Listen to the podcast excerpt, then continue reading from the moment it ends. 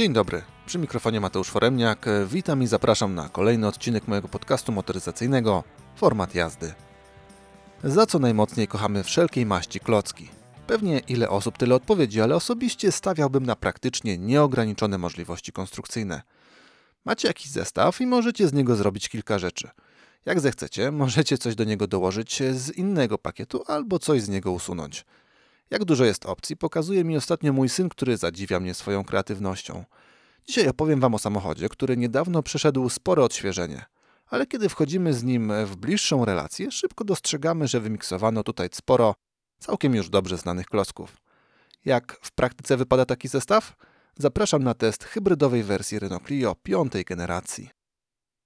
To model, który jest prawdziwym rynkowym weteranem.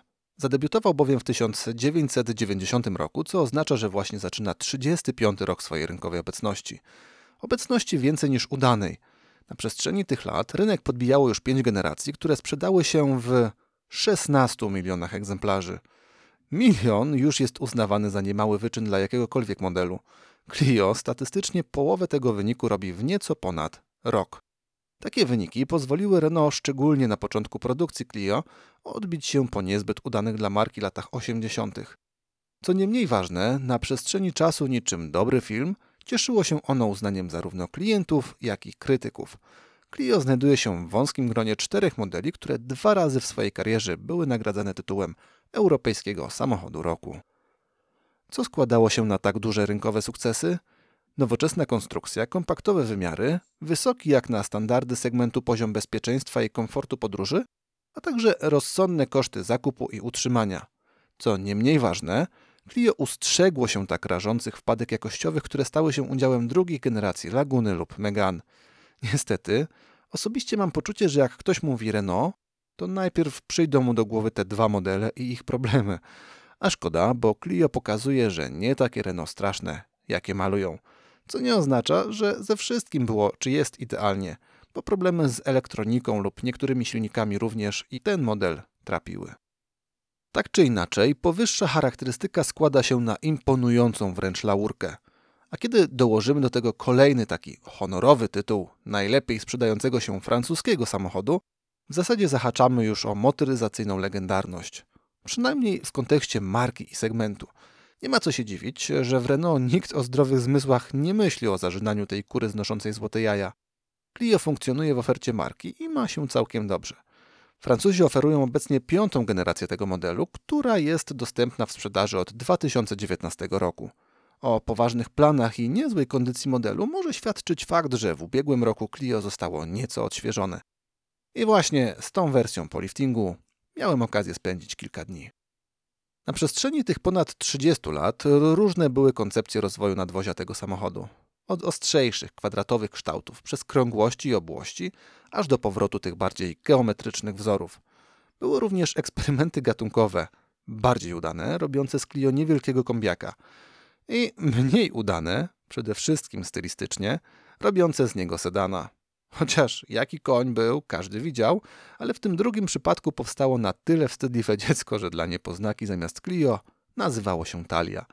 Fakty są jednak takie, że pewnie 99% przechodniów na ulicy, jeśli zapytacie ich o Clio, będą mieć przed oczami stosunkowo niewielkiego hatchbacka segmentu B. Właśnie na ten sprawdzony i najbardziej klasyczny wymiar Clio postawiono w przypadku piątej generacji modelu. Oznacza to ni mniej ni więcej, że Renault nie oferuje Clio w innym wariancie. Ma to swój sens, szczególnie ekonomiczny, w kontekście rynkowych zmian popularności poszczególnych rodzajów nadwozia. Zresztą ten model jest ciekawym przykładem na to, jak ewoluuje rynek motoryzacyjny.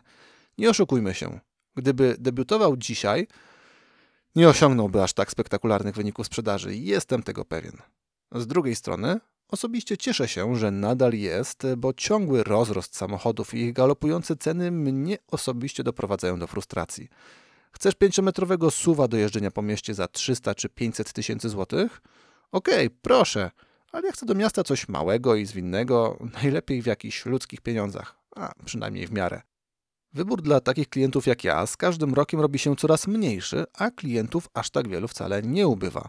Tylko im się w segmencie aut miejskich coraz mniej to wszystko kalkuluje. Są jednak nadal właśnie takie auta jak Clio. Całkiem klasycznie przystępne i nieźle się opłacające. Do miasta nadal się nadaje. To 4053 mm długości, 1798 szerokości i 1440 wysokości. Te kompaktowe wymiary uzupełnia nie aż tak bardzo kompaktowy rozstaw osi wynoszący 2583 mm. On może nie brzmi nadzwyczajnie, ale kiedy patrzymy na Clio, widzimy, że jest naprawdę konkretny. Nadaje on bryle tego samochodu takiej zwartości, przysadzistości i fajnej proporcjonalności.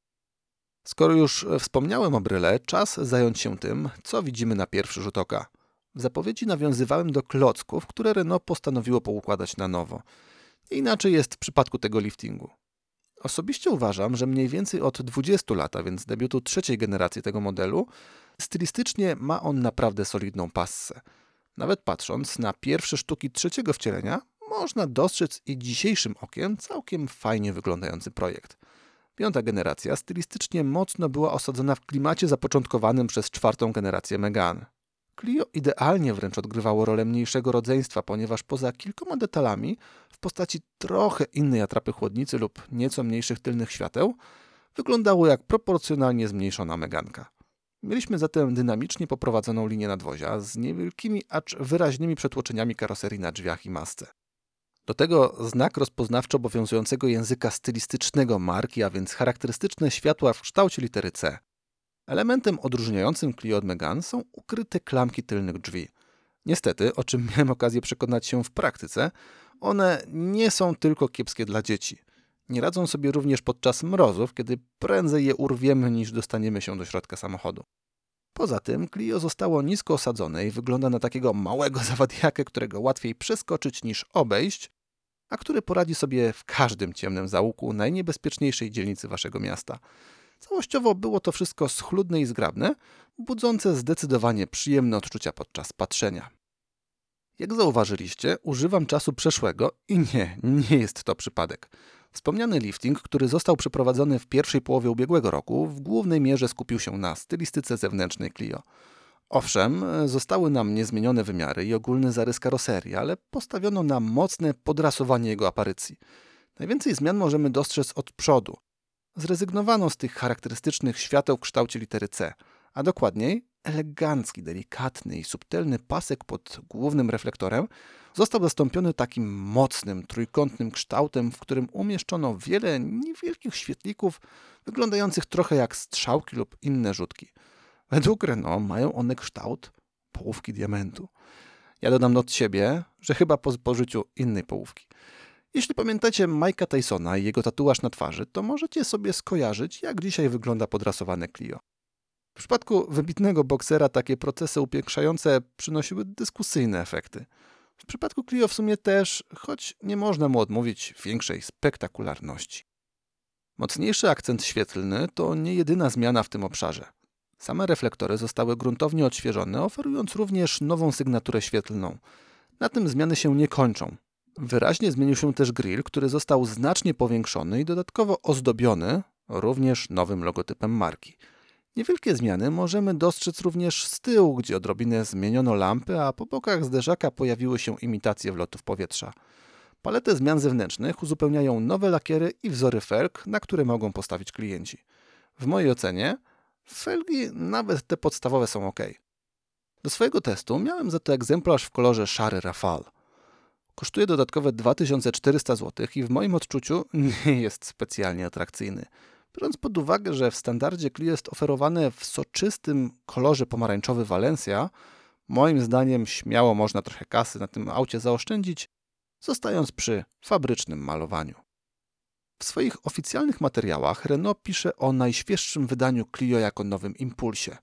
Impuls jest, niewątpliwie, natomiast Clio fajnie wyglądało i bez tego liftingu. Zmiany w ogólnym rozrachunku wielkie nie są, ale ich efekty są widoczne. Zestaw klocków rozebrano, złożono z powrotem prawie w ten sam sposób, chociaż dorzucono kilka klocków z najświeższego nurtu projektowego Renault, który dopiero będziemy w sumie poznawać. Osobiście nie uważam, że przyniósł on jakieś wielkie zmiany na plus. Jednocześnie trudno mówić o zmianach na minus. Po prostu jest inaczej, a estetyka Clio nie została zburzona. To już całkiem sporo. Co kto lubi, a abyście sami mogli ocenić efekty tych zmian, zachęcam Was do odwiedzenia mojego bloga lub kont w mediach społecznościowych, gdzie wkrótce będę umieszczał materiały zdjęciowe i filmowe z mojego testu. Kiedy sprawdzamy zmiany we wnętrzu odświeżonego Clio, dojdziemy szybko do wniosku, że wiele się nie zmieniło. I dobrze, bo to czytelne, ergonomiczne i intuicyjne wnętrze, choć nie jest ono wolne od niemałej ilości niedociągnięć. Ale o tym za chwilę. W temacie zmian mamy ciekawy miks. Z jednej strony pojawia się sporo więcej nowoczesności, ponieważ od teraz standardem w każdej wersji są cyfrowe zegary i centralny wyświetlacz multimedialny o przekątnej 7 lub 9,3 cala. Drugą zmianą jest dużo większe wykorzystanie materiałów pochodzących z recyklingu i do tego procesów w przyszłości się nadających. Trop jak najbardziej słuszny. Podobnie jak fakt, że poza tymi wspomnianymi kosmetycznymi w gruncie rzeczy zmianami, nic więcej tutaj nie ruszano. Clio stylem kokpitu znowu mocno nawiązuje do tematu klocków. Znajdziemy tutaj bowiem elementy, które Renault wykorzystuje w swoich aktualnych modelach, podobnie zresztą jak w Daciach, a pewne naleciałości znajdziemy nawet u Nissana. Jako całości najbliżej temu wszystkiemu chyba do Captura. A jak być może pamiętacie z mojego, tak tak, pierwszego testu, jest to klimat moim zdaniem bardzo udany. Tak jak nie jestem wielkim fanem przesadnej nowoczesności na konsoli centralnej w postaci zastępowania przycisków i pokręteł od klimy przez system, tak u Renault doceniam w większości przypadków, szczególnie w tych nieco niższych segmentowych rewirach, rozsądny miks rozwiązań. Owszem, mamy system, w którym możemy, a nawet musimy sobie sporo popstrykać, aby poustawiać wszystko pod siebie. Ale po pierwsze, odnośniki do najważniejszych funkcji znajdziemy nieco poniżej tego ekranu w postaci fizycznych przycisków, co skieruje nas do odpowiedniego poziomu systemu. Po drugie, klimę ustawiamy sobie zupełnie analogowo. Mamy pokrętła, mamy przyciski, wszystko prosto, czytelnie i po prostu estetycznie. Po trzecie, system potrafi bez większego wysiłku bezprzewodowo zduplikować smartfona. I to w standardzie. Nie trzeba się specjalnie starać, aby być w stanie to wszystko z marszu obsłużyć. Doceniam też sensowną organizację systemu EasyLink, która powoduje, że ma on łatwość nie tylko w nazwie. Nie uświadczycie tutaj zbyt wielu poziomów. Nie znalazłem też żadnej opcji, przy której pomyślałbym, kim był dowcipniś, który tak to ukrył. Do tego cała konsola centralna jest lekko zwrócona w stronę kierowcy, ekran ma wysoką rozdzielczość, dobrze reaguje na dotyk, a wszystko zebrane w całość bardzo stabilnie działało. Nie dziwię się zatem, że postanowiono to wszystko zostawić praktycznie tak, jak było. Mogę się przyczepić w tym obszarze do dwóch rzeczy. Pierwszą jest regulacja głośności multimediów wyłącznie z poziomu dotykowego ekranu lub strykacza przy kierownicy. Drugą, no, niskiej jakości kamera cofania, która dodatkowo, z nadal zagadkowych dla mnie powodów, wyświetla się tylko na niewielkim skrawku tego ekranu. Był lifting, to zostawiono. Naprawdę zastanawiająca decyzja. Renault już w pierwotnym wcieleniu piątej generacji Clio chwaliło się, że mocno dali do pieca w temacie jakości wykończenia wnętrza. Nie ma co się dziwić, że tak to podkreślali. Wśród największych zarzutów użytkowników, które były kierowane pod adresem Clio, była kiepska jakość materiałów i montażu. Jak pod tym względem w praktyce wypada poliftingowe wydanie? Jeździłem sporą częścią tego, co pozostało jeszcze na rynku w tym segmencie i Clio absolutnie nie ma powodów do popadania w kompleksy. Oczywiście reakcji fizjologicznych nie należy się spodziewać podczas patrzenia i dotykania tych materiałów. Plus jest taki, że nie będzie żadnych reakcji. Ani tych pozytywnych, ani tych negatywnych. Clio zmontowano solidnie i pomimo już kilkunastu tysięcy kilometrów przebiegu, cokolwiek odzywało się w skrajnych sytuacjach na drodze. Jeździłem nim podczas srogich mrozów, które akurat przetaczały się przez Polskę. W bliższym kontakcie sporo tych plastików jest zaskakująco przyjemna – co osobiście bardzo lubię w autach grupy Renault, bo mam tutaj na myśli również Dacie, to szerokie zastosowanie na kokpitach tych tańszych aut elementów tapicerowanych. Zamiast morza plastiku, jeziora materiału. Ja to lubię, bo znacznie ociepla to odbiór takiego auta. Podobne odczucia miałem również względem Clio. To posłodzę jeszcze chwilę, bo kilka rzeczy można w tym klimacie nadal ująć. Tak ogólnie, bez wchodzenia w wielkie szczegóły, Clio zasługuje na pochwałę za wysoki poziom wyposażenia każdej wersji. Osobiście byłem zachwycony rezygnacją z piano black i postawieniem na matowe elementy, które wyglądały dzięki temu dużo przyjemniej, by nie powiedzieć szlachetniej. Tak, ja mam tak dziwnie, że dla mnie matowy plastik wygląda bardziej szlachetnie niż to z założenia, w cudzysłowie, ekskluzywne piano black. Podobała mi się organizacja tunelu środkowego, na którym wyróżnia się nieco wyniesiona wysepka z selektorem skrzyni biegów, a poniżej prosto i ergonomicznie umieszczone miejsce na kartę, hamulec postojowy i uchwyty na kubki, w tej wersji z zamykaną roletką. Tuż pod konsolą centralną znalazło się też miejsce na telefon wraz z dwoma wyjściami USB-A, gniazdem mini jack i 12V. Dzisiaj polecę stopniowaniem nieprzyjemności i przejdę do tematów, które w mojej ocenie były zwyczajnie średnie. Tak właśnie oceniłbym komfort podróżowania. Pamiętajmy, mamy do czynienia z autem segmentu B, więc bajki trudno tutaj oczekiwać. Ale dostajemy przyjemnie zestrojone zawieszenie, choć jeśli ktoś zatrzymał się na Clio trzeciej generacji, może być zdziwiony, jak jest twarde. Nie zachwycimy się resorowaniem, ale nie walimy po drodze na desce, za to w zamian dostajemy pewne i solidne prowadzenie również przy prędkościach autostradowych. W kontekście foteli obawiam się, że mogę zabrzmieć jak jakiś masochista, ale mam ochotę powiedzieć, że są przyjemnie twarde. No, takie, że się nie rozpłyniecie z rozkoszy, ale nie będziecie też się co chwilę wiercić i rozkminiać, jak wyskoczyć z tego samochodu, aby nie zrobić sobie krzywdy. W miejskim ruchu w zasadzie są one niezauważalne dla naszych pleców i pośladków. Zaskoczyła mnie bardzo gruba kierownica, bo czułem się trochę tak, jakbym trzymał w dłoniach kawał solidnej kiełbachy. Nie był to jakiś wielki problem, a poprawdzie bardziej mi przeszkadzał sposób jej wyprofilowania. Humorystycznie była też ona podgrzewana. Dlaczego? Ponieważ zawsze grzała tam, gdzie akurat jej nie trzymałem. Serio, na przykład na samym szczycie wieńca co przy siarczystych mrozach trochę mnie irytowało. Z perspektywy kierowcy rozczarowały mnie te nowe reflektory w praktycznym kontekście. Mówiąc krótko, świeciły poprawnie, jeździłem już jednak kilkoma autami, nawet z podobnych okolic segmentowych, które oświetlały drogę o wiele lepiej. Jeśli spodziewacie się jakichś widocznych oszczędności, one są, na przykład w temacie lampeczek doświetlających wnętrze. Ale tutaj postanowiono te oszczędności przeprowadzić inaczej niż na przykład w Zoe. Tam nie było lampeczek na tył. W Clio zrezygnowano z takich luksusów przy osłonkach przeciwsłonecznych. Jeśli mam być szczery, całkiem rozsądnie. Przejawem bardzo pragmatycznego podejścia do życia okazuje się być rezygnacja z nagłośnienia Bose. W testowanym egzemplarzu było, a całkiem szczerze, no, wcale nie robiło jakiejś specjalnej roboty. Nie da się zrezygnować tylko z niego, ponieważ zawsze jest elementem pakietów wyposażenia dodatkowego, które z kolei zostały wycenione w kontekście całych wersji konfiguracyjnych. W każdym razie, jeśli okazałoby się, że pozostałych elementów pakietu też nie potrzebujecie, mowa o potencjalnej oszczędności pomiędzy 1500 a 4200 zł. No ale w tych pakietach łapią się też np. te złącza USB i mini jack, a także dodatkowe systemy asystujące. Teraz czas będzie przejść do nieco mniej przyjemnych tematów. Zacznę od tego, który mnie osobiście irytował chyba najbardziej. Pewnie swoje trzy grosze dorzucają tutaj moje gabaryty, ale fakty są takie, że w Clio widoczność jest wręcz fatalna. I to nie, że gdzieś tam w jednym kierunku, że wystarczy się trochę wychylić. No nie, tragedia jest wszędzie. Nawet przez szybę czołową, bo ona jest zadziwiająco wręcz mała. Po skosach, na boki Przeszkadza mocno opadający słupek A. Widoczność do tyłu? Katastrofa, ponieważ tylna szyba ma z perspektywy kierowcy charakter wizjera. Do tego pod jakimś kosmicznie dziwnym kątem, że widzimy auto dopiero jak pojawi się nam na zderzaku.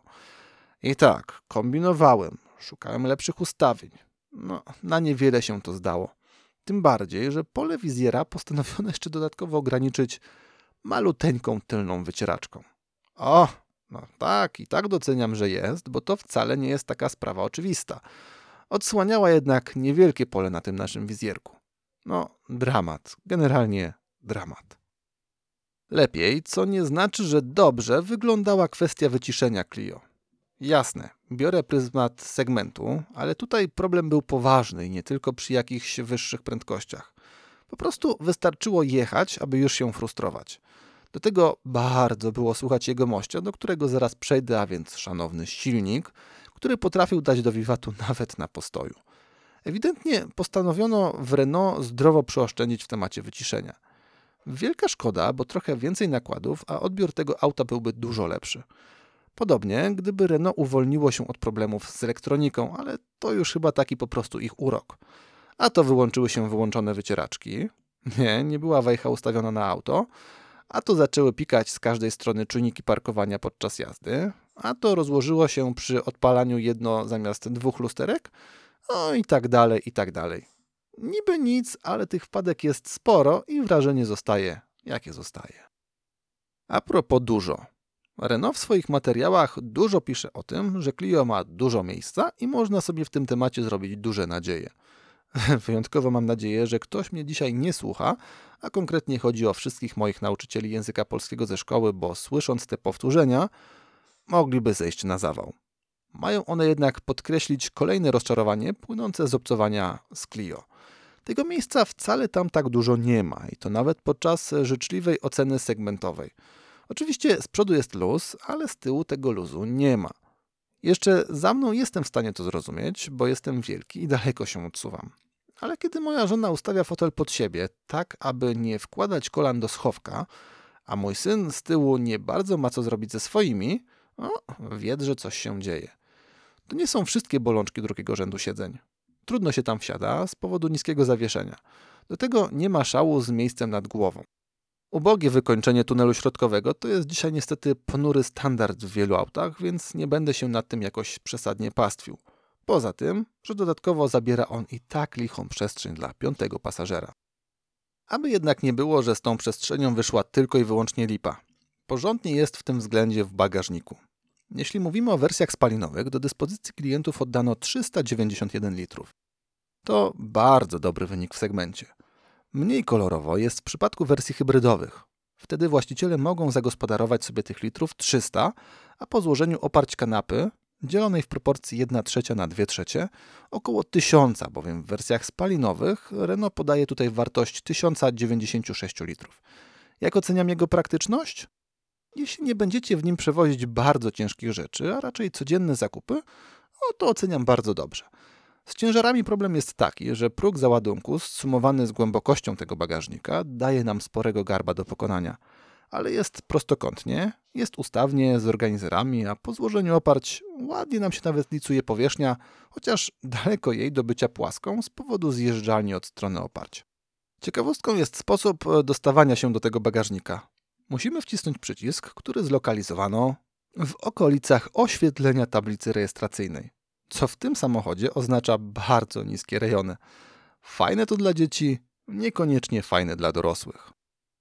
Segment B to wręcz definicja motoryzacyjnych kompromisów.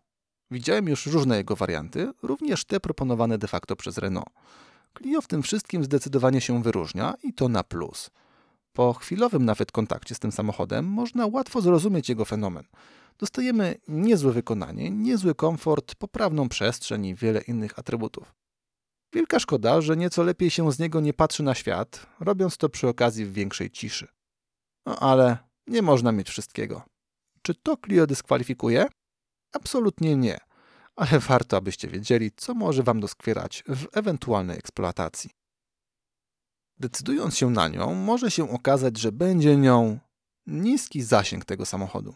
Nawet pomimo tego, że w przypadku Clio nie ma mowy o jego elektrycznym wariancie. Jest jednak taki prawie elektryczny, który w przeciwieństwie do wielu elementów tego samochodu nie jest ani prosty w zrozumieniu, ani taki neutralny w odbiorze. Do wyboru klientów są dzisiaj trzy opcje. Możemy wybrać najbardziej podstawowy trzycylindrowy silnik 1.0 TCE, generujący 90 koni mechanicznych, 160 Nm maksymalnego momentu obrotowego, obsługiwany przez sześciobiegową skrzynię manualną. Tak, można się tym rozpędzić do setki. Chcecie wiedzieć w jakim czasie? Podobno 12,2 sekundy. Również podobno można tym polecieć 180 km na godzinę. Przy nieco rozsądniejszym gospodarowaniu tym potencjałem można też podobno zadowolić Clio zużyciem paliwa na poziomie 5,2 do 5,3 litra na każde 100 km. Drugą opcją jest pierwsza wersja hybrydowa. Chodzi o hybrydę paliwowo-gazową, a więc również silnik 1.0 TCE, który został jednak wyposażony w fabryczną instalację LPG. Taki luksus kosztuje dodatkowe 4000 zł. Ale chyba warto, bo dzięki LPG zyskujemy dodatkowe konie mechaniczne, które zgrupowały się tutaj już w równą setkę. Mamy też już 170 Nm, które napędzane gazem pozwalają zobaczyć setkę po 11,8 sekundy. Prędkość maksymalna to standardowe w przypadku Clio 180 km na godzinę. Średnio powinniśmy zużywać 5,4 litra benzyny lub 7 litrów gazu. No i koordynuje to wszystko niezmiennie sześciobiegowa skrzynia manualna. Jest też nowoczesna hybryda, więc taka z prądem i paliwem. Tutaj już jest grubo. Cztery cylindry, 1,6 litra pojemności, sumarycznie 145 koni mechanicznych, z czego 94 pochodzą z wolno sącego silnika spalinowego. Poganiane to wszystko jest przez 205 Nm maksymalnego momentu obrotowego, a koordynatorem zamieszania jest 14-stopniowa skrzynia Multimode. A wszystko to było testowane w wymagającym środowisku F1. Dzięki temu setkę osiągamy w 9,3 sekundy. Maksymalnie no, pojedziemy te 180 km na godzinę, zużywając przy tym od 4,2 do 4,3 litra na 100 km. Mogłem tutaj dorzucić jeszcze kolejne piękne hasła Francuzów o nawet 80% czasu jazdy po mieście na prądzie, oszczędności do 40% paliwa i takich tam. Być może wyczuwacie mój sarkastyczny ton, a być może nie. W każdym razie nie jest tutaj tak bajecznie i kolorowo, jak opisuje producent. Czuję się trochę jak dziecko zauważające, że król odziany w fantastyczne szaty tak naprawdę jest nagi, bo sporo się naczytałem i nasłuchałem o wspaniałych osiągach tego napędu, a ja zupełnie tego nie doświadczyłem. Dzieje się tyle, że sam za bardzo nie wiem od czego zacząć. Może pokrótce powiem, jak to w teorii działa. Mamy tutaj tę pełną hybrydę, a więc rozwiązanie, które pozwala niewielkie odcinki pokonywać tylko na prądzie. Pozyskujemy go głównie z hamowania i tego, co w razie potrzeby wygeneruje silnik spalinowy. Ten prąd magazynuje się w akumulatorach o pojemności 1,2 kWh, a więc sami już widzicie symbolicznej. Wspiera nas przy ruszaniu, wspiera przy przyspieszaniu, podtrzymuje przy życiu wiele pokładowych systemów, oszczędzając przy tym paliwo. W teorii same plusy. No to może wymienię te, które pojawiły się w moim teście. Doceniam fakt, że w tym wypadku hybryda działa bardzo płynnie i delikatnie. Chciałbym powiedzieć, że cicho też, ale wspominałem Wam już o tym i wierzcie mi, nie było opcji, aby się nie zorientować, że silnik spalinowy zaczął działać. Ale przynajmniej nie było czuć momentu jego uruchomienia lub wyłączenia. Gdybym miał uwzględnić tylko kwestię napędu, w sumie musiałbym już skończyć. Dorzucę więc jeszcze mnogość wszelkiej maści systemów asystujących. Renault chwali się, że jest ich na pokładzie Clio 20. Nie wszystkie w każdej wersji, ale i tak jest konkret. Chwalę jednak nie za ilość, a za jakość, bo działają nieźle. A to dużo w tej kategorii. Chociaż czasami trzeba wytrzymać ciśnienie, szczególnie podczas korzystania z aktywnego tempomatu w mieście. W ogólnym rozrachunku jednak nie miałem żadnych poważniejszych incydentów z ich działaniem. No to teraz czas na rozgryzienie tej hybrydy. Czy ona jest oszczędna? Potrafi być. Od czego to zależy? O, cholera wie. Pamiętacie może mój test arkany? W razie czego odsyłam do dziesiątego odcinka. Było to już trochę czasu temu i tam miałem dokładnie ten sam napęd i tę samą historię jak w przypadku testu Clio. Co przejazd, to inne wyniki. Na tyle różne od siebie, że trudno wskazać w tym jakąś obiektywną przyczynę. Jest to trochę niepokojące, bo kiedy wróciłem do opisu tamtego testu, moje wnioski były praktycznie jeden do jednego takie jak teraz. Co oznacza tyle, że albo Renault nie potrafi, albo co gorsza nie chce dopracować tej konstrukcji. Zmiany na plus tym razem? Lepsza dynamika, która nie kulała aż tak jak w Arkanie. Mocno jednak podejrzewam, że wpływ na to ma po prostu różnica wielkości, masy i kształtu nadwozia tych aut. Clio nie jest demonem szybkości, nie poczujecie w nim klimatu go-kartowego, ale do jazdy w mieście ten napęd jest więcej niż wystarczający, a i w trasie sobie poradzi z jakimś wyprzedzankiem. Ale tu pojawia się gwiazdka. Trzeba być ostrożnym, ponieważ obsługuje to wszystko skrzynia Multimode. Pięknie to jest opisane, że ona wywodzi się z F1, że super wszystko synchronizuje i tak dalej. W praktyce może ma korzenie w F1, cała reszta nie wytrzymuje konfrontacji z rzeczywistością. Po pierwsze, skazani jesteśmy na jej wymysły, nie ma bowiem w Clio jakiejkolwiek możliwości samodzielnej regulacji biegów. Nie ma łopatek, nie ma sekwencji przy selektorze, nic. W trasie sprowadza się to do tego, że musimy przemyśleć nasz manewr, bo niekoniecznie wstrzelimy się w dobre rewiry obrotowe dla niej. Bardziej męczące jest to jednak w mieście. Widocznie Renault uznało, że nikt nie jeździ 50 km w terenie zabudowanym. Ba, nie ma nikogo, kto mieściłby się w przedziale 45 do 58 km na godzinę. Dałem wam dosyć dokładne widełki, bowiem przy tych prędkościach skrzynia kompletnie nie ogarnia. Nie wie, czy dawać wyższy bieg, czy trzymać niższy. Szarpie, wyje, przerzuca. O, jakaś tragedia. Aby złapać trochę luzu, musicie albo zwolnić, albo przyspieszyć. Można też uzbroić się w cierpliwość, ale to wydaje się najmniej sensowną opcją. Na skrzyni mamy możliwość regulowania mocy rekuperacji w prosty sposób. Mniejsza oznacza wybranie trybu D, mocniejsza postawienie na tryb B. Osobiście bardzo lubię korzystać z rekuperacji w elektrykach lub hybrydach i tu nie było inaczej. Ten zwiększony tryb pozwalał prawie jeździć jak przy użyciu niscenowego e-pedal, ale niestety nie zatrzymywał nam zupełnie fury. A szkoda.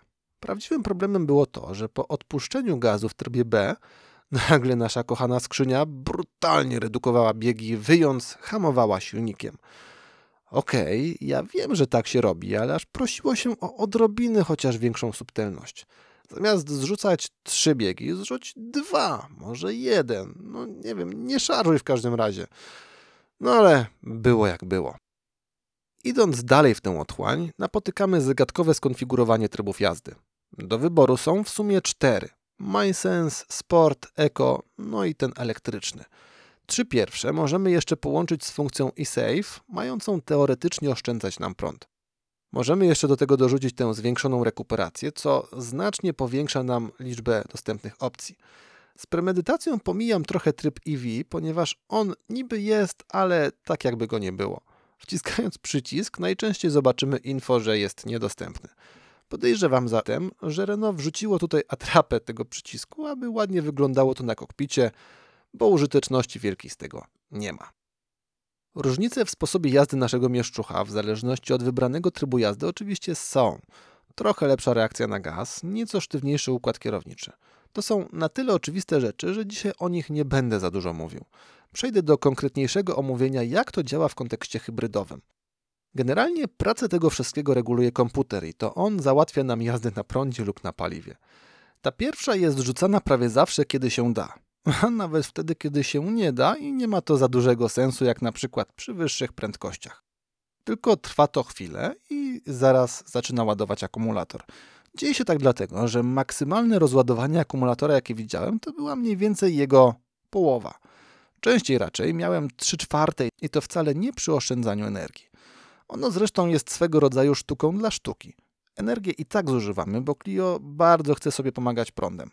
Trochę pomoże, ale zaraz chce się podładować. I tak w kółko. I safe sens ma tylko w trasie, bo tam aż tak bardzo nie domaga się elektrycznego dopingu. Za to w mieście to można sobie narobić takiego spalania, że o, głowa mała. A bak ma tylko 39 litrów, co oznacza, że w skrajnych wypadkach zrobimy zasięg przeciętnego elektryka. Renault zaklina jednak rzeczywistość i pisze, że jak się postaramy, to i 900 kilosów wykręcimy. Ta, jasne. W praktyce warto trochę żonglować tymi trybami jazdy, bo w zależności od rodzaju trasy, co innego przyniesie nam lepsze efekty. Nawet biorąc pod uwagę rozrzut pomiarów. W skrócie, miasto i drogi krajowe najlepiej obsłuży tryb MySense. Ruszając na eski i autostrady, warto uzbroić się w tryb Sport. A to z prostego powodu. On najmniej chce korzystać z prądu, chociaż i tak to robi, a jak coś sobie weźmie, to zaraz oddaje ładowaniem ale przy 120-140 km na godzinę nie ma to aż takiego znaczenia. Jak zatem wypadły te mityczne wyniki spalania? W mieście od 4,8 we wspomnianym trybie MySense przez 6,2 do 6,8 w trybie Eco, aż po 7,2 do 7,5 w trybie Sport. Ale to wszystko pod warunkiem, że weźmiecie Clio na nieco dłuższą przejażdżkę. Taką co najmniej 15-kilometrową. Jeśli macie do pracy, sklepu, szkoły dziecka powiedzmy 5 km, Clio będzie Wam spalało coś koło 10 litrów na setkę. Dlaczego? Bo będzie Wam ładowało akumulator. Tak, silnikiem spalinowym. Ech. Trochę sympatyczniej wygląda ten temat na drogach krajowych. Tam web w web szedł tryb Eco i MySense, bowiem obydwa zamknęły się w przedziale 4,3 do 5 litrów. Sport trochę szalał, bo potrzebował 5,8 do 7 litrów na każdą stówkę. Wizyta na Eskach to 5,8 do 6,1 w trybie Sport, po 5,7 do 7,2 na Eco i MySense. Autostrady potrzebują 7,2 do 7,3 litra w trybie Sport, po 8,5 w trybach Eco i MySense. Jak widzicie, rozstrzał jest spory, a podaję Wam najczęstsze przedziały, bo równie dobrze na autostradzie tryb Sport mógłby się odpalić na ponad 8 litrów. Tak czy siak, już na pierwszy rzut oka widać, że deklaracje Renault w okolicach 4,3 litra są wzięte z sufitu. Podliczając tylko najlepsze moje wyniki, wychodzi spalanie na poziomie 5,5 litra. To nie jest zły rezultat, ale jestem przekonany, że dwie pozostałe opcje napędowe pozwalałyby osiągać podobne rezultaty. Za mniejsze pieniądze, bardziej stabilnie i zwyczajnie łatwiej. Mieszczuch od Renault wziął swoją nazwę od jednej z postaci greckiej mitologii. Chodzi o muzę historii Clio. Wybór patronki po latach okazał się wyjątkowo trafny, ponieważ ten model, bez cienia wątpliwości, zapisał się złotymi zgłoskami w historii marki, pozostawiając również nielichy wpis w dziejach całej motoryzacji. A jakie to jest auto dzisiaj? Ma szansę dalej pisać piękną historię, czy powinno zostać już melodią przeszłości? Moim zdaniem nadal wiele ciekawych historii przed nim, ale niekoniecznie w parze z tym teoretycznie najnowocześniejszym i najoszczędniejszym napędem. Clio dobrze wygląda, solidnie jeździ, jest porządnie wykonany i kosztuje jeszcze całkiem ludzkie pieniądze. Klocki poukładały się tutaj wręcz wzorowo. W momencie publikacji testu, a więc w połowie lutego 2024 roku, najtańsza wersja Evolution kosztuje 74 200 zł. Powiecie, Fabie kupię taniej. No, zgadza się, ale nie będzie ona z pewnością tak dobrze wykonana, ani tak dobrze wyposażona jak Clio. Czy nie będzie też tak ładna, pozostawiam indywidualnej ocenie. Aby kupić najtańszą wersję z LPG, musicie przygotować 78 200 zł. Najtańsza hybryda to już prawie 100 tysięcy. Mając taką kwotę zostanie Wam w kieszeni 800 zł po zakupie Clio. Testowany egzemplarz po niewielkim doposażeniu został wyceniony na 123 tysiące złotych, a najdroższa dostępna dzisiaj konfiguracja Esprit Alpine zamyka się tuż przed 130 tysiącami. Trochę dużo, nawet biorąc pod uwagę sporo sportowych dodatków. Prawda jest taka, że Clio zbudowało swoją pozycję na dobrej relacji ceny do jakości. Uważam, że ona nadal jest bardzo zachęcająca w tych tańszych wariantach. W mojej ocenie śmiało można stawiać nawet na podstawy, a za 80-90 tysięcy to już będziecie mieć prawdziwy wypas.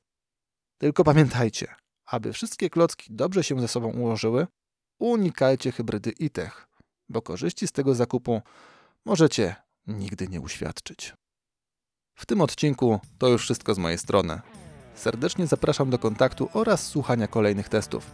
Pamiętajcie też, aby zaglądać na mojego bloga, a także Instagrama i Facebooka. Dziękuję za uwagę i do usłyszenia.